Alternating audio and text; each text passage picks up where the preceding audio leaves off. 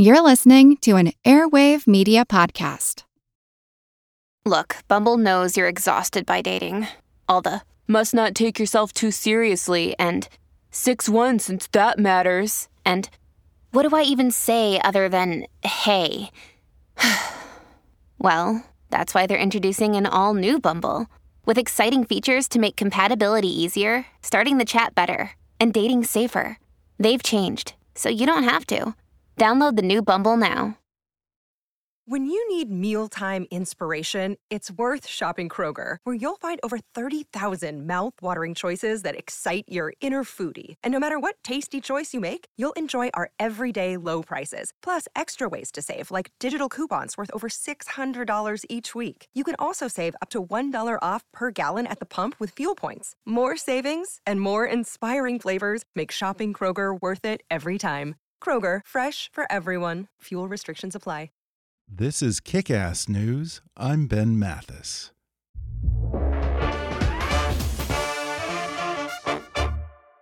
It happens to all of us. Right before an important presentation, the printer runs out of ink. Brother Inkvestment tank printers help put a stop to this and can literally change the way you ink. With your choice of one or two years of ink included in box, Inkvestment Tank helps eliminate the expense and hassle of frequently buying and replacing ink cartridges. Learn more at changethewayouink.com. Faculty and students at Rochester Institute of Technology recently built a robot fish. Why? Because it could lead to a new wave of prosthetics. Now we're all hooked. At RIT, the creative team of engineers is on to something life changing. Learn more about the project at rit.edu/slash kick. And now, enjoy the show. Hi, I'm Ben Mathis. Welcome to Kick Ass News. With all the buzz around the Mueller report and what may or may not be in there, I wanted to invite my own legal expert on the show today. He's a man who's dealt with Robert Mueller personally during Mueller's years in the Justice Department. He's both been on the receiving end of President Trump's praise and his scorn, and he's one of the few people who may know what it's like to be in Mueller's shoes, having prosecuted some of the most high profile cases in recent memory. Preet Bharara served as U.S. Attorney for the famed Southern District of New York from 2009 to 2017. Bharara was widely known as one of the most aggressive prosecutors in the country, going after public corruption, terrorism, drug lords, financial industry crimes, organized crime, and more. During his time at SDNY, he prosecuted terrorists like Times Square bomber Faisal Shahzad, Somali pirate Abduwali Muse, Russian arms dealer Victor Bout, and the heads of four of the five New York crime families. Equally aggressive in pursuing financial crimes, he investigated the Bernie Madoff Ponzi scheme, prosecuted a hundred Wall Street executives for insider trading, and reached historic settlements and fines with the four largest banks in the United States. Though he once served as chief legal counsel to Senator Chuck Schumer, Bharara didn't play political favorites. He investigated everyone from Governor Andrew Cuomo and Mayor Bill de Blasio to former New York Senate Majority Leader Dean Skelos and the former Speaker of the New York State Assembly Sheldon Silver. But if Preet Bharara was blind to politics, politics wasn't blind to him. Upon getting elected president, Donald Trump initially asked him to stay on as U.S. Attorney for the Southern District, but then turned around and fired Bharara just three months later when Bharara refused former Attorney General Jeff Sessions' request that he and 45 other U.S. attorneys appointed under President Obama resign from their offices. Now, at a time when the rule of law appears to be under attack and many Americans are experiencing a crisis of faith in the justice system, Preet Bharara comes to its defense, but also says we need to acknowledge and allow for flaws in the system and in human nature in a new book called Doing Justice A Prosecutor's Thoughts on Crime, Punishment, and the Rule of Law. Today, Preet joins me on the podcast to weigh in on the Mueller report, whether Attorney General Bill Barr's interpretation of that report can be trusted, why Mueller didn't make any recommendations one way or another, and whether he intended to punt those decisions to Bill Barr or to Congress. We talk about Preet's eight years as U.S. Attorney for the Southern District of New York, what movies and TV get wrong about criminal investigations, and why it's never as simple as just connecting the dots or following the money. He says if you want to get a confession out of a bad guy, try feeding him well instead of playing hardball. He gets into the devil's bargain of cutting deals with cooperating witnesses, and why sometimes the cases you don't prosecute are just as important as the ones you do. Coming up with Preet Bharara in just a moment.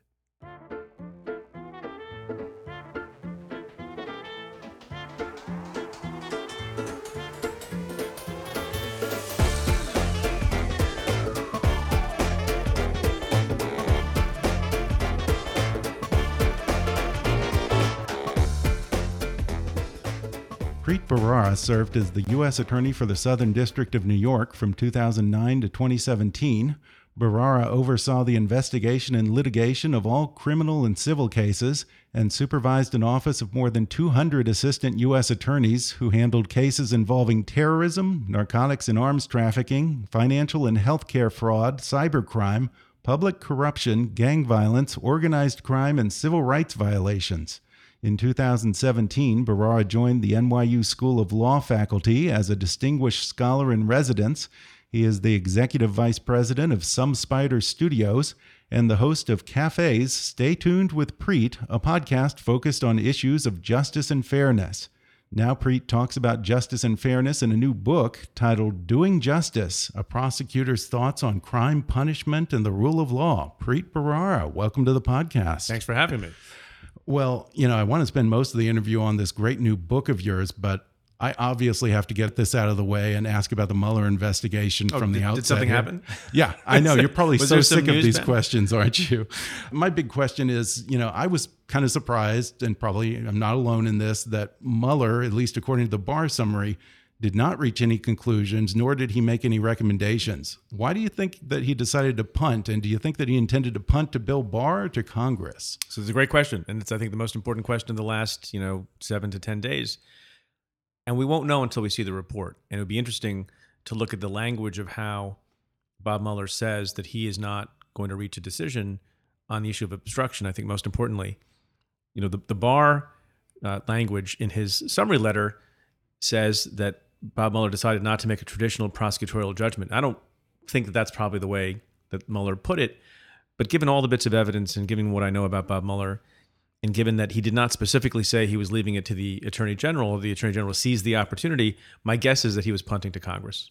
And, and the analogy that I keep using, I, I, I've been saying, you know, Bob Mueller punted to Congress, and Bill Barr sort of ran onto the field from the stands, grabbed the ball, Yeah. and ran it in for a touchdown for Trump. And people keep saying, "Well, that's not how a punt works." And I said that makes it a better analogy, Yeah. because because all the rule, rules you know seem to have been flouted here. So I, so I think he was sending it to Congress. I think he thought, I, I don't know again, right? I want to just preface everything with a million with a million caveats that maybe he thought the question is so close, the issue is so fraught, the stakes are so high, and in that circumstance, maybe it shouldn't be a guy like me, Bob Mueller, appointed by the Deputy Attorney General to decide this really weighty question, given that we have this constitutional process, you know, laid out in the founding document of our country, and I'll lay it out in the way that some people think Leon Jaworski did uh, during Watergate.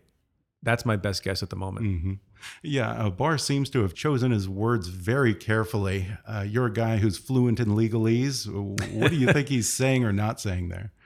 I think he's trying to put the issue to rest. I think he's trying to get for the you know for the president and the White House. He's trying to get past this issue, and I think uh, you know it's, it's a cleverly written letter. Uh, I I don't think it's the case that he is you know grossly misrepresenting what the Mueller report says. I think he would get in a lot of trouble if that was so. I think he's too smart for that. Um, by way of example, he seems to have had no choice but to put in the one partial sentence that's the most damaging to the president, and that is that Bob Mueller, with respect to obstruction at least, said this does not exonerate the president. That's you know in a different context with different spin, and with a president who used his microphone to less effect. That's an unbelievably huge, Yeah, damning it thing. would be. that there seems to be, by definition, given that it's a close question, that means that there is some substantial evidence, maybe not that, that gets you over the threshold, But there's some substantial evidence, according to Bob Mueller, it seems, that the President of the United States obstructed justice. That's a big deal. Well, let me ask you more generally. You know, the past two years of this Mueller investigation and everything that comes with it the firing of Comey and Sessions, the Peter Strzok's text, the sum total of the whole experience does it reinforce your faith in the system or does it undermine it a little bit? I think there are a lot of things that have happened over the last couple of years that, that reinforce both feelings. I think, you know, part of the reason I wrote the book is that there's a lot of confusion. You know, there are people who talk about alternative facts who are close to the president. There are people who talk about truth not being truth who are close to the president. So on the one hand, I think you have uh, you know really good, strong-minded prosecutors and judges and members of the media also. That's another institution under attack who keep their head down, who do their job the way they're supposed to be doing it, who carry on even in the face of uh, I think inappropriate attacks by the president and his supporters. But then on the other hand, you know you have a lot of maneuvering, you have a lot of politics, you have a lot of people undermining the truth. And and, and look, and I think that the one thing that's been very dispiriting in the last few days has been this sort of you know turnabout on the part of the president's supporters who seem to think that the fact that an investigation is not conclusive on the question of criminality, although clearly they found some evidence with respect to obstruction, means that anyone who raised any question about the president, given all the smoke that mm-hmm. he purposely you know put out, uh, is somehow treasonous or somehow McCarthyism. Yeah, it's not how it the works. Retribution is frightening. Yeah, it, it, this is not a case where someone's you know was is satisfied will you know leave well enough alone, uh, who believes he's been persecuted. Um, yeah, although although all the evidence is by quits the way, while he's yeah. ahead, doesn't he? no, well that's not how this president operates. Yeah, and you know they're attacking the investigation, which is slightly odd to me, given that it seems, at least from the perspective of the president that it was done in a uh, you know professional mm-hmm. way with integrity, um, putting the Strzok stuff aside, and he was eliminated from the from the matter many right. many many months ago. So all the findings here, I don't think uh, you know arise from from anything that, that Peter Strzok had to offer necessarily. And rather than be satisfied that at the end of the day, that these, this person who he accused of having a conflict, the team that he accused of being full of three, 13 angry Democrats, accused of uh, being on a witch hunt, is essentially on the critical matter, exonerating him from criminal liability on conspiracy with respect to the election. He's then turning around and saying, well, all these people are treasonous and people who had cause to say, you know, it's a weird thing to stand up and, and ask the Russians to, to, to provide information and ask folks to hack Hillary Clinton's emails and take the meeting uh, where there's going to be dirt offered on Hillary Clinton and not go yeah. to the FBI. These are not things to be proud of, as Adam Schiff, I think, has very eloquently said. Yeah, but I mean, realistically, was there ever going to be a smoking gun in this kind of situation? From your experience, if you're investigating a case similar to this, what constitutes a smoking gun well, in that sort you, of thing? Sometimes you have, um, you know, something that's recorded because someone decides to record mm -hmm. it. Sometimes you have a cooperating witness who goes behind the scenes and wears a body wire. Sometimes you have uh, when people are, you know, especially dumb, which is not necessarily not the case here with respect to some people. there's an email mm -hmm. uh, that that's highly incriminating and that you know people can tout as a smoking gun. But yeah, but generally speaking, when you're talking about intent and certain kinds of conspiracy and certain kinds of obstruction, you have to get at what's in the person's mind. And usually people don't, you know, write in their journal I committed a crime today. Yeah. Tomorrow I intend to expand on that crime. and by the way, if anybody found out about it, they would be able to prove racketeering. Like that, that doesn't doesn't work that way usually. Yeah. And I have to ask you a little bit about your time at SDNY when Trump, uh, I guess, asked you to stay on and then turned around and fired you three months later. When you agreed to stay under this president, did you get any kind of an uneasy feeling in your gut of oh boy, this job just got a lot more difficult, or some sense that your own ethics might be challenged in the process? Not at that first meeting when really? he was president elect. That was, I think, two and a half weeks after the election, three weeks after the election on November 30th of 2016. And, you know, I understood my office and position to be independent, that you don't answer directly to the president, although the president appoints you. That's in fact right, President in theory, Obama. Yeah. Yes, in fact, President Obama, once when we met, when he met with all the United States attorneys for, for a photograph in the White House, you know, four or five years ago, said specifically to all of us, and it, it never left my mind. You know, I appointed all of you, he said, but you don't you don't work for me. You don't report to me. You don't answer to me. You're supposed to do the right thing for the public, uh, and by your oath in support of the Constitution. And that's how I felt about the job, whether Obama's a president or Trump is a president mm-hmm. or anyone else. But you know, some people made it a story. Then the, the president elect started calling me And he called me a couple of times before the inauguration. He called me one time after, and then I saw, you know, other bits of information about how the president, you know, sort of operated uh, and, and how he blurred the lines between politics and law enforcement. And I got an uneasy feeling. And because mm. of that uneasy feeling, by the way, when he called me uh, from the White House on March 9th of 2017, maybe not everyone knows this, I decided it would be inappropriate to return the call without knowing what it was about because how would you explain that call later, especially after he had made yeah. a big deal of the tarmac incident with Loretta Lynch and Bill Clinton. Right. While they were swirling, you know, calls for my office, Southern District, with a lot of jurisdiction over a lot of things that are important to him, to be investigating the president. In the midst of all of that, without having the attorney general or some normal, uh, you know, looped in process, I said I, I don't think it's appropriate to speak to the president until I know more. Uh, and 22 hours later, I was asked to resign, and a day hmm. later, I was fired. Wow. Now, if people were expecting you to air your grievances in your new book, they're going to be disappointed. Uh, surprisingly, you make little to no reference to Trump in doing justice.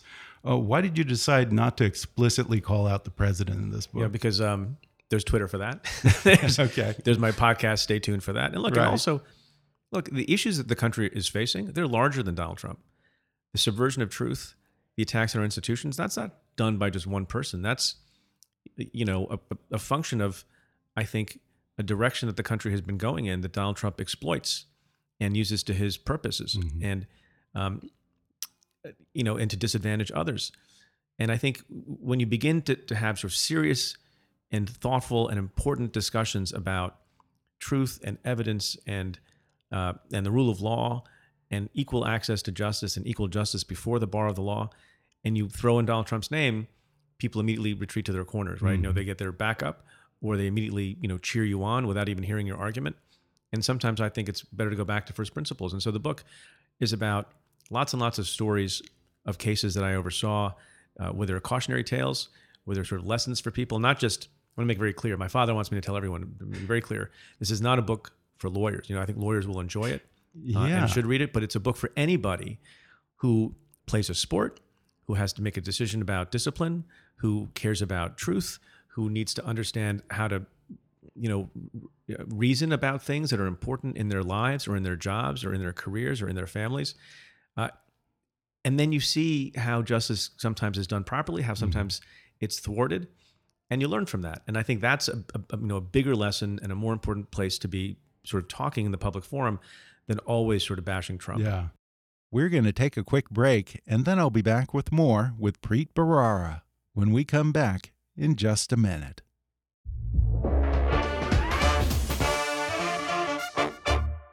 If there's something interfering with your happiness or preventing you from achieving your goals, BetterHelp Online Counseling can help. BetterHelp offers licensed professional counselors who are specialized in issues such as depression, anxiety, relationships, trauma, anger, family conflicts, LGBT matters, grief, self esteem, and more. Connect with your professional counselor in a safe and private online environment and get help at your own time and at your own pace. Anything you share is confidential. And it's so convenient, you can schedule secure video or phone sessions as well as chat and text with your therapist. If for some reason you're not happy with your counselor, though, you can request a new one at any time for no additional charge. Best of all, it's a truly affordable option. Kick-Ass News listeners even get 10% off your first month with the discount code KICK. So why not get started today? Go to betterhelp.com/kick then simply fill out a questionnaire to help them assess your needs and get matched with a counselor you'll love. That's betterhelp.com/kick. And now, back to the show. For me, one of the most interesting parts of the book was getting into the tradecraft of a criminal investigation most Americans have never been under criminal investigation or even been part of that process. So naturally, a lot of us get our ideas of how it works from police procedurals and legal procedurals and movies. Two of the most common phrases I hear on those shows are connect the dots and follow the money. You hate those two terms. Why? I don't hate those terms, but you know, I I think part of the reason people find the book interesting is everyone's been an armchair lawyer, an investigator, an FBI agent over the last, you know, couple of years while the Mueller investigation was proceeding and they hear about Michael Cohen and they hear about Paul Manafort and they want to know what flipping means and they want to know how you right. interrogate. And everyone has their views. because they watch a lot of television. Everyone, by the way, is also further to the particular point of your question, are so impatient. So, well, you know, follow the money, connect the dots, and you know, I kind of make fun of those phrases a little bit because they're so facile. You know, to say connect the dots. I know connect the dots. By the way, if you go back to what what is connect the dots, it's a way we teach young children with no artistic ability to draw a jagged picture of like a cow or a barn or a face. Yeah. And anybody, so long as you can, you know, you can count, you can drag your pen from the dot numbered one to the dot number two to the dot number three until you have a picture. To say that that's how a complex criminal investigation that involves, you know, financial tra- transactions and mental states of people and the move, it, it's just not that easy. Mm-hmm. It's not knowable in advance the order in which you have to do an investigation and you know check various boxes. It is incredibly more complicated than that, and also follow the money. You know, money doesn't like to be followed. Sometimes, sometimes when Yeah. when bad, you know, uh, nefarious payments are made, bribes. Uh, yeah, follow the money is is a nice phrase and it makes sense and and it should be done. The only point I was making about these phrases is it it minimizes, I think, in some ways, the extreme difficulty and challenge and complexity of doing some of these investigations. And by the way, along you know the last couple of couple of years, lots of people, depending on their point of view, but even people who you know don't like the president and people who think it was a witch hunt, all thought, well, what's taking so long? So after 22 months, by the way, if you compare the Mueller investigation to historic, uh, you know, precedents, whether special counsels or independent counsels, pretty quick, and a lot of charges. I mean, in some ways, he's not totally done because some of these things, including uh, the remains of what happens to uh, to Rick Gates, have been passed along to other U.S. attorneys' offices. But he made fairly quick work of it. And is follow the money or the myth of follow the money one of the biggest problems in trying to prosecute financial crimes? Because I know that you took a lot of heat for not going after the banks in the wake of the financial crisis. People accused you of being afraid or being politically motivated. Why didn't you Yeah, go over no, that? There's no fear. There's no political motivation. You know, we, as I say in the book, and I understand people's frustration about the financial crisis, mm-hmm. and dozens of uh, prosecutors' offices, DA's offices, um, regulatory offices all looked really hard and went after. Just you know, couldn't put together a criminal case, which is frustrating to everyone, including the people who tried to do that.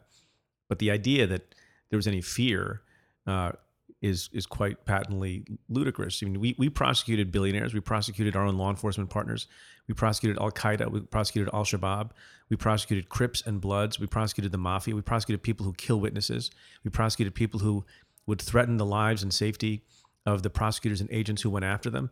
So the idea that anyone was afraid of some men in suits, I find patently absurd. Yeah. yeah, and you're not afraid to make political enemies for sure. You've been banned from Russia for prosecuting a particularly influential I was going to go to Minsk for vacation. Now I can't. Yeah, do you that. got a rebuke from uh, Prime Minister Erdogan of Turkey, and apparently he pressured Vice President Biden to fire you. And even your country of birth, India, They were you talk happy. about how the show hosts of TV shows there, uh, they say that you're the most hated man in India and an Indian Uncle Tom. Uh, Yeah. What did you do to piss off India? And My has that job. been hard on your relatives? I. I did my job. Look, look, look at uh, Bob Mueller. You know, basically the most decorated prosecutor, Yeah. investigator, I think, in recent history of our country. And even he could be swift boated, in a manner of speaking, by people who don't like to be investigated. And you know, any prosecutor who does his or her job and is aggressive, as I think we were, is going to get attacked and be accused of you know all sorts of things because people people don't like to be investigated. People Sure. don't like to go to prison. people don't like to serve time Yeah. you know, there's a gentleman now. Uh, if I can do the anti-plug of a book, Rajat Gupta has written a book. He's an insider trading defendant uh, who we prosecuted, who does everything in the world but accept responsibility for what he did and for which he got a light sentence. You know, blaming the prosecutor, blaming the system, blaming other people. Uh, it's reminiscent of you know what Donald Trump has been doing a little bit. It's just it's part of the job of being a prosecutor, and you accept it, and you keep your head down, and you do your job, and you speak through your actions in the court proceedings. And people like to take shots at folks because they don't they don't like being held accountable. It's just the way it is. And speaking of your own ethnic heritage, you extol the virtues of ethnic food and getting a crook to talk. Is it true that the stomach is still the way to a man's heart, even if you're a terrorist or a mobster? It can be. You know, part of the point in the book that people will be surprised by is how uh, law enforcement, like anything else, whether it's nursing or doctoring or uh, counseling or teaching, it's about understanding how human beings operate, what makes them tick, what makes them be able to be persuaded, uh, how you change their minds, how you bring them along. And so I tell a number of stories uh, you know, maybe the food stories being among the most interesting, I've had something, you know, as simple as bringing someone the, the, the ethnic food that they cherish while they're in lockup, and you're trying to persuade them to come over to the side of the government. Uh, as one agent once put, put it to me, if you bring someone the food that they crave and that they remember from their from the old country, that's a sign of respect. Mm-hmm. And you're trying to build a relationship with these folks. And I think you know that happens time and time again. I tell Mm-hmm. another story of of a detective who I like very much, Kenny Robbins, in this sort of process of trying to get someone to flip. He would sort of invert the idea of what manhood was for some of these tough, you know, drug trafficker types. And he would go into the room, and if available, he would put a picture of the person's daughter or wife or whole family, and then he would leave the room and come back. See, I understand you want to be a man, and you could decide to be a man and keep your mouth shut and not talk about you know the other guys, or you could be a man. And he points to the pictures. You could be a man, and you could be there for your daughter's graduation. You could be there for your son's wedding.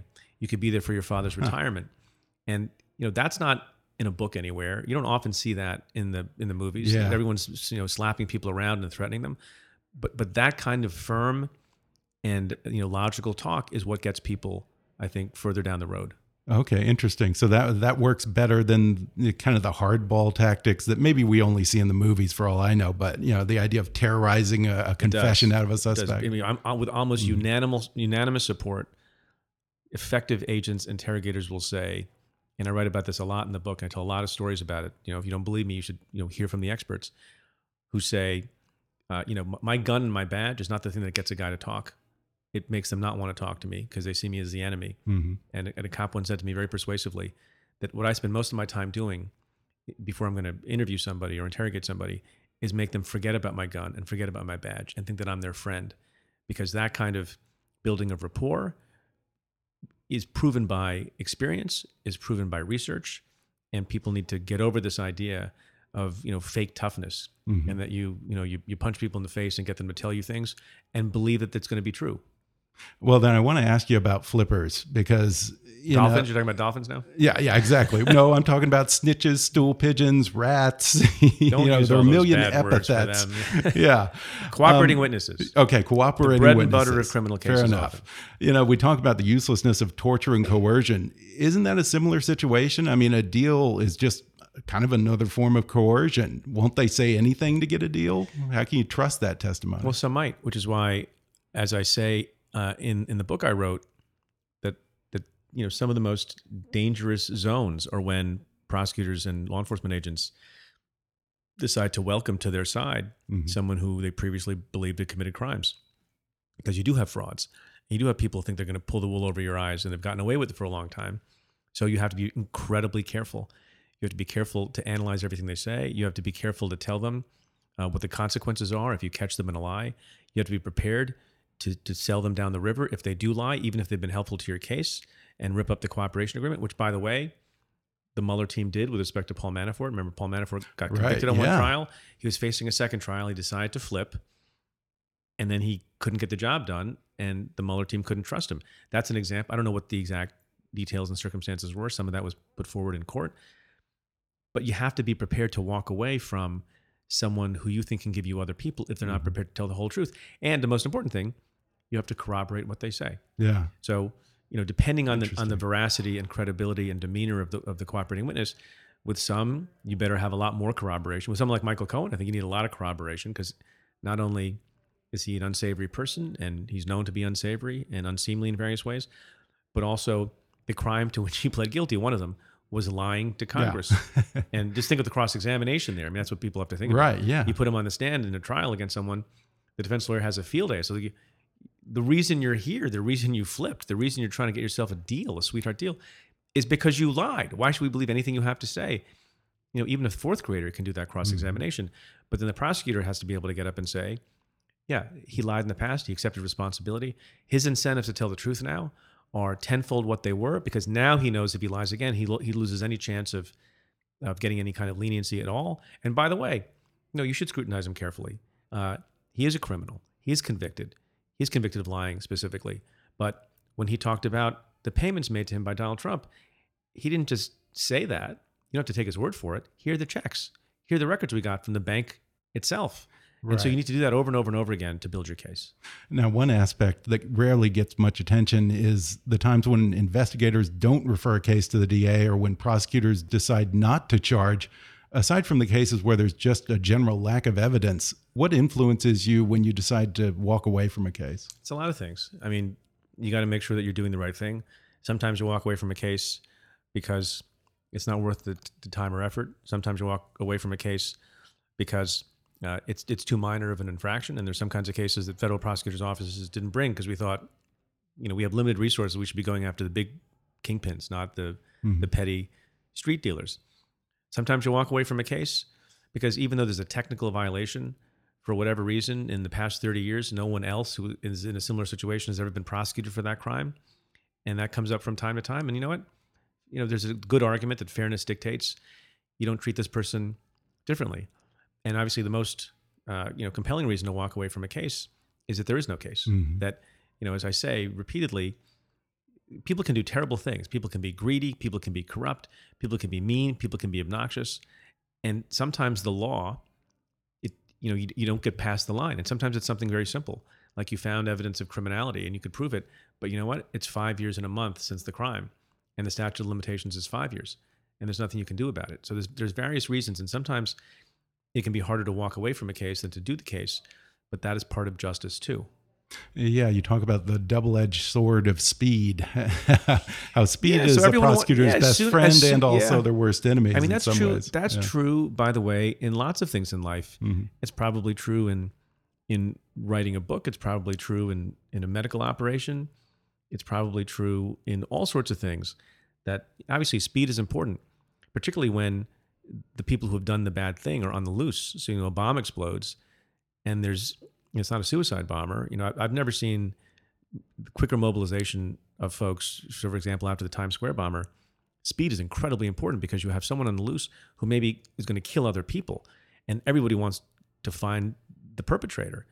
But at the same time, you can't be so fast that you overlook clues, and you can't be so fast that you rush to judgment and arrest the wrong person. You know, and remember the the Olympic bombing. Uh, Yeah. You know, some years ago. Obviously, there has to be a great rush, but you know, the wrong person was arrested initially. So it's this tremendous balance, like there is in lots of areas in most people's lives, although the stakes are higher when there's a bomb that has gone off, between being quick enough to do the right thing and maintain public safety, Mm-hmm. but making sure you're thorough and cautious enough that you don't do it wrong. Yeah, absolutely. Well, I know you have to go real quickly. Of all the types of crimes that you've prosecuted terrorism, racketeering, public corruption, financial crimes, and all the rest which one angers you the most? What one really gets you? So, you know, they're all serious and they're all terrible and they all have awful consequences for communities and for people. Terrorism, obviously, is, is bone chilling uh, in terms of the effect it can have on populations, depending on the nature of the, of the attack. Uh, gang violence causes neighborhoods to be, um, you know, torn apart uh, and, and is, a, is a form of terror, I think, also. You know, but probably if I had to pick, Mhm. uh, you know, the thing that has the most resonance among citizens, I think, is public corruption, because a public corruption crime affects you Really? uh, if you live in the place where the elected official uh, operates uh, and and serves, whether you voted or not, whether you follow the news or not, whether you care about the legislative issues or not, because they dictate all sorts of things about your life. And so, not only is it a violation of the law when an elected official, like a like a mayor or a, an assembly speaker or someone else, commits a crime, it's also a violation of sort of the democratic social contract. That these are people who are supposed to be doing things in your interest, Right. There's a and they're- trust and there. There's a trust there, and they and they and they take an advantage of you. And in some ways, I mean, we were bringing our public corruption cases, and we did more than I think anyone else in a long, long time in New York State. Yeah. Uh, you know, people would stop me on the street. They would stop my prosecutors on the street and thank them in a way that they didn't for other cases No kidding. because yeah, because it's, you're you're sort of rescuing democracy from forces that are trying to undermine it. And there's something about that that gets people, you know, angry and upset. You know, uh, there were a couple of times, as I also say candidly in the book, maybe I got a little carried away in my rhetoric about public corruption, but it is angering, and it should be angering. Um, prosecutors have to be careful about how they tap into that anger, but it is absolutely appropriate for people to be really, really pissed off when they're pro- when they're public officials uh, violate the law, and more importantly, in some ways, violate their oath and line their pockets on the back of, of their votes and their money. Well, I highly recommend Preet's book, Doing Justice A Prosecutor's Thoughts on Crime, Punishment, and the Rule of Law. I also encourage folks to subscribe to your podcast. Stay tuned with Preet. Preet Bharara, thanks for talking with Thanks me. Thanks so much. It was a lot of fun.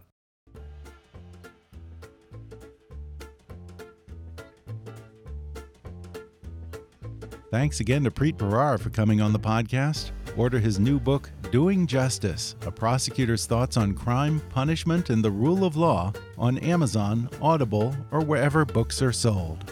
I also want to remind you to subscribe to his podcast, Stay Tuned with Preet on Apple Podcasts or wherever you like to listen, and follow him on Twitter at, at Preet Bharara. Whatever struggles you're facing, from depression and anxiety to trauma and grief, BetterHelp can connect you with a professional counselor in a safe and private online environment. It's so convenient, you can schedule secure video or phone sessions, as well as chat or text with your therapist. And anything you share is completely confidential. Best of all, it's a truly affordable option. Kick-Ass News listeners can even get 10% off your first month with the discount code KICK. So why not get started? Simply go to betterhelp.com/kick and fill out a questionnaire to get matched with a counselor you'll love today. Be sure to subscribe to Kickass News on Apple Podcasts if you haven't already, and if you like what you're hearing, then rate and review us while you're there. Five star reviews are the easiest way for new listeners to find us. Don't forget to like us on Facebook and follow us on Twitter at, at KickassNewsPod. And feel free to email me with your thoughts, questions, and suggestions at comments at kickassnews.com. Until next time, I'm Ben Mathis, and thanks for listening to Kickass News.